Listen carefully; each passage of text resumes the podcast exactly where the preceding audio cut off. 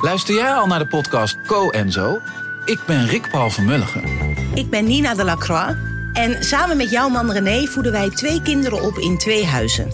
Co-ouderschap. We hebben het over alles wat je daarin tegenkomt. Maar ook over de juice tijdens onze kinderloze dagen, want die heb je ook in het co-ouderschap. Een podcast voor alle ouders in alle vormen, maar ook voor alle mensen zonder kinderen. Zijn we eerlijk, heerlijk herkenbaar. Dus luister naar Co en Zo in je favoriete podcast-app.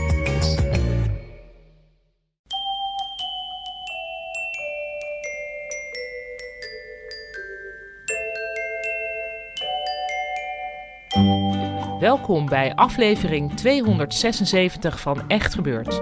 De podcast waarin waargebeurde verhalen worden verteld door de mensen die ze zelf hebben meegemaakt. Maar waarin ook af en toe iemand voorleest uit het dagboek dat hij of zij bijhield als puber. In deze aflevering leest Koosje Wilterdink voor uit haar puberdagboek uit 1964.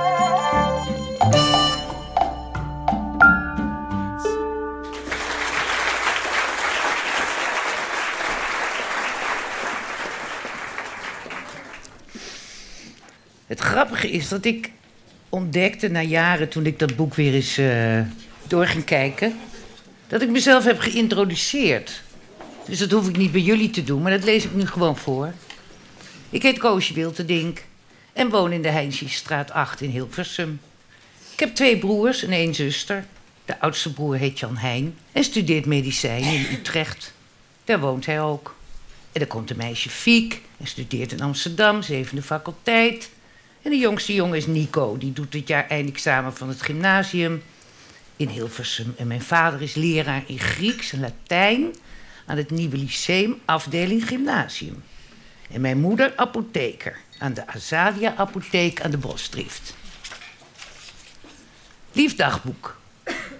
Dit dagboek heb ik vandaag op mijn verjaardag gekregen van mijn allerbeste vriendin Mariette Goedhart. Ik hou heel erg veel van haar het is zo'n schat. Gisteravond heb ik bij Mariette geslapen. Het was erg leuk.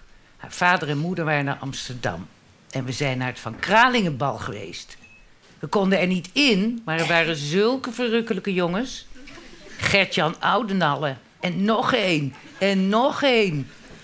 Die twee kenden we niet bij naam, maar ze vroegen ons mee voor een feest bij een vriend van hun.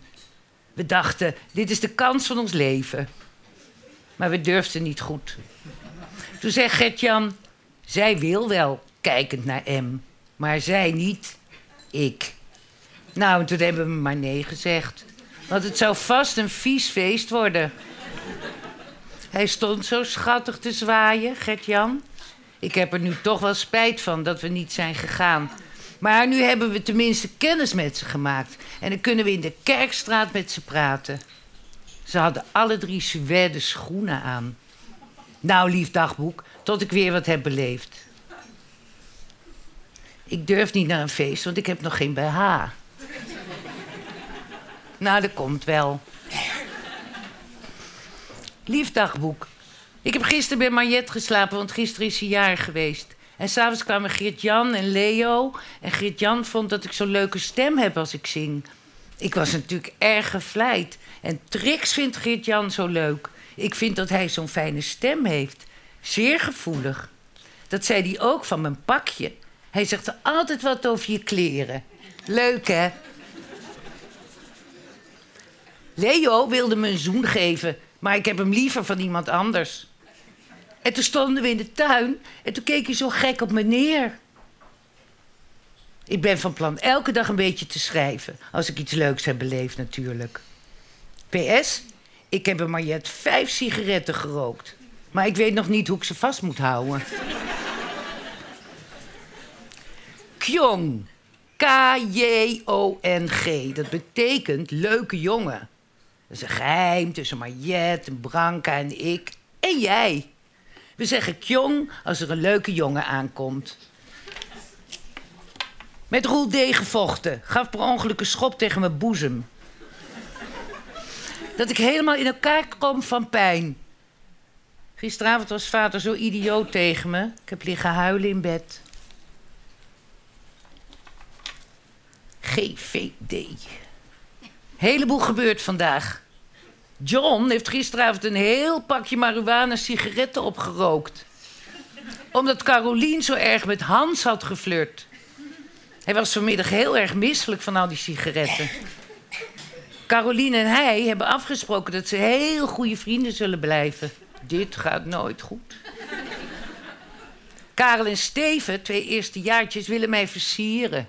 Schattig, hè? De ballen. Lullig zijn alle jongens. Hallo. Het ergste wat me in mijn jeugd en mijn leven kan gebeuren is gebeurd. Mijn vader is gestorven. Dood. Weg voor altijd. Nooit meer op deze aarde. Nooit zal ik meer zijn lach horen, zijn standjes aanhoren, zijn humoristische dingen begrijpen. Weg. Voor altijd. Ik kan het gewoon niet beseffen, begrijpen. Het is net of hij nog elke dag de kamer in zal stappen. Dat hij ziek was, heeft hij zelf niet geweten. En dat vind ik heel fijn. Waar is mijn peuk nou? Ik heb nog een peuk. Wacht even hoor. Ja, hij is 50 jaar oud, die peuk. Maar hij is, hij is er nog echt. Echt waar. Oh jee. Ja, ja. Kijk. Peuk. Zie je het?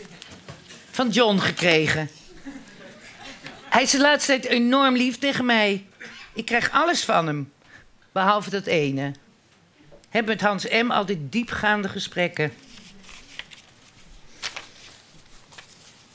Lief, lief, lief. Gisteravond is Hans mon ami geweest. We hebben op mijn kamer gezeten en mama had nachtdienst, dus was niet thuis. Kan je nagaan. Nou, en zo is het gekomen. God, die jongen was niet te stuiten. Hij wilde werkelijk met mij naar bed, maar ik niet. En zei dus: Nee, Hans. Pourquoi? Pourquoi? Wat moet je dan doen?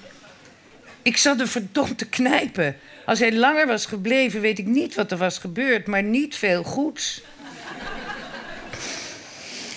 En nu zie ik hem vier weken niet. Oh, hou ik het uit? Verlang alweer naar het eind van de vakantie. Wat schofterig, hè? Hans, mon ami, ik ben gek op je en wil een kind van je. En op je woonboot wonen. Kan me niet schelen wat er gebeurt als je maar bij me bent. Waarom ben ik een meisje? Overgeven kan ik me niet. Kinderen komen en sterven. Zijn we daar alleen goed voor? Heeft hij me ook lief omdat ik koos ben of alleen maar om een lichaam? Wie vertelt het mij? Israël, land waar ik nog eens zal vertoeven. Wat nu in puin zal gaan. Waar mensen jaren op gezweet hebben om het te krijgen zoals het nu is. God, waarom staat u dit allemaal toe? Laat u het alsjeblieft bij een koude oorlog blijven. Lief dagboek, kan ik met Hans naar bed? ik ben vanmiddag bij hem geweest. Hij was alleen thuis, uiteraard. Eerst lekker gepraat en toen begon hij te vrijen. Wilde mijn broek, nou ja, je kent het wel. ik zei, Hans, ik wil het niet. Ja, je bent bang, maar er kan niets gebeuren, zei hij. Nu of nooit. En nooit is fini. Ik wil je lichamelijk ook leren kennen. En dan kan het pas fijn zijn. Anders wil ik je niet meer. Maar dat meende hij niet hoor. Maar losse vrienden zijn, zoals ik er zoveel heb. Oh, ik huilde bijna. Ik kan hem niet bissen. Ik ben niet rijp voor het naar bed gaan, zegt hij. En hij wil mij er rijp voor maken. Oh, wat moet ik doen? Toch doen en hem dan niet verliezen? Of niet doen en hem verliezen? Dat zal ook allemaal niet uitmaken. Wat moet ik doen? Nou, dan krijgen we nog even een momentje candlelight. Ik voel me zo ongelukkig. Mama wil me niet als haar kind hebben en nu weet ik het zeker. Ik probeer het echt zo goed mogelijk te doen. Waarom word ik verstoten? Zwerf langs krotten en sloten. Niemand opent zijn deur voor mij.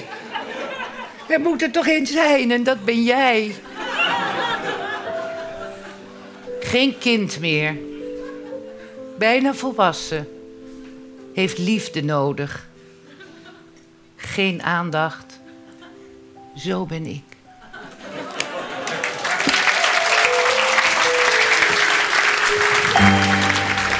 Dat was Koosje Wilterdink, die in 2015 voorlas uit haar dagboek van 50 jaar eerder. De opname werd in Comedy Club Toemler in Amsterdam gemaakt door onze geluidstechnicus Nicolaas Vrijman.